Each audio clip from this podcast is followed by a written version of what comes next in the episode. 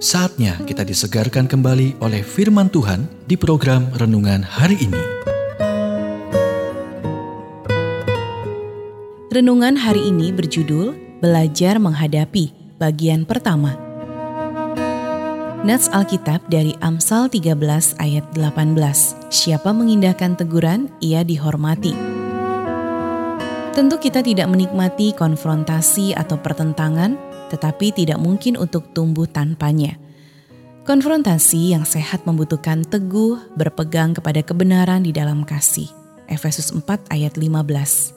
Kepada mereka yang kita hargai, sama seperti Tuhan menghadapkan kita masing-masing di mana kita perlu tumbuh, Dia mengharapkan kita melakukan hal yang sama untuk orang lain.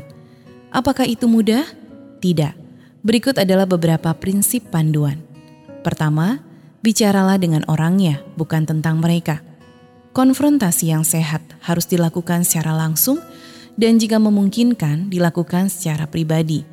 Ini membutuhkan komunikasi yang bijaksana, disampaikan dengan tegas tetapi anggun. Ketika orang terluka, tangani mereka dengan hati-hati.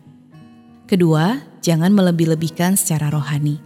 Berikan contoh spesifik Jangan bersembunyi di balik kata-kata seperti "saya percaya Tuhan telah menunjukkan kepada saya bahwa Anda salah." Ketika Nabi Nathan mengkonfrontasi Raja Daud tentang dosanya dengan Bathsheba, dia melakukannya secara spesifik. Kendalikan emosi Anda. Berikan waktu yang cukup antara pelanggaran dan konfrontasi untuk meredakan amarah yang Anda rasakan dengan doa. Tiga, jangan membuat mereka merasa bersalah. Bantu mereka Jangan biarkan seseorang dalam kekacauan tanpa arah yang jelas tentang bagaimana memberatkannya. Itu tidak adil dan tidak konstruktif. Sebenarnya itu dapat menyebabkan masalah tegang dan komplikasi. Pendekatan terbaik adalah dengan tenang mengidentifikasi masalah dan menyarankan cara untuk menyelesaikannya. Empat, jangan kritis.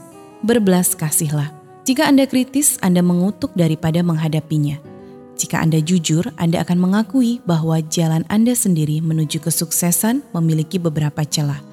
Jadi, dekati orang lain dengan kerendahan hati, cinta, dan perhatian.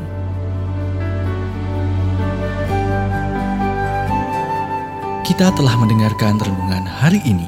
Kiranya renungan hari ini terus mengarahkan kita mendekat kepada Sang Juru Selamat, serta menjadikan kita bertumbuh dan berakar di dalam Kristus. Renungan hari ini tersedia dalam bentuk buku maupun digital dan bisa Anda miliki dengan menghubungi Japri di WhatsApp 0812 8784 7210 atau email ke infoapripusat@gmail.com. Tuhan memberkati.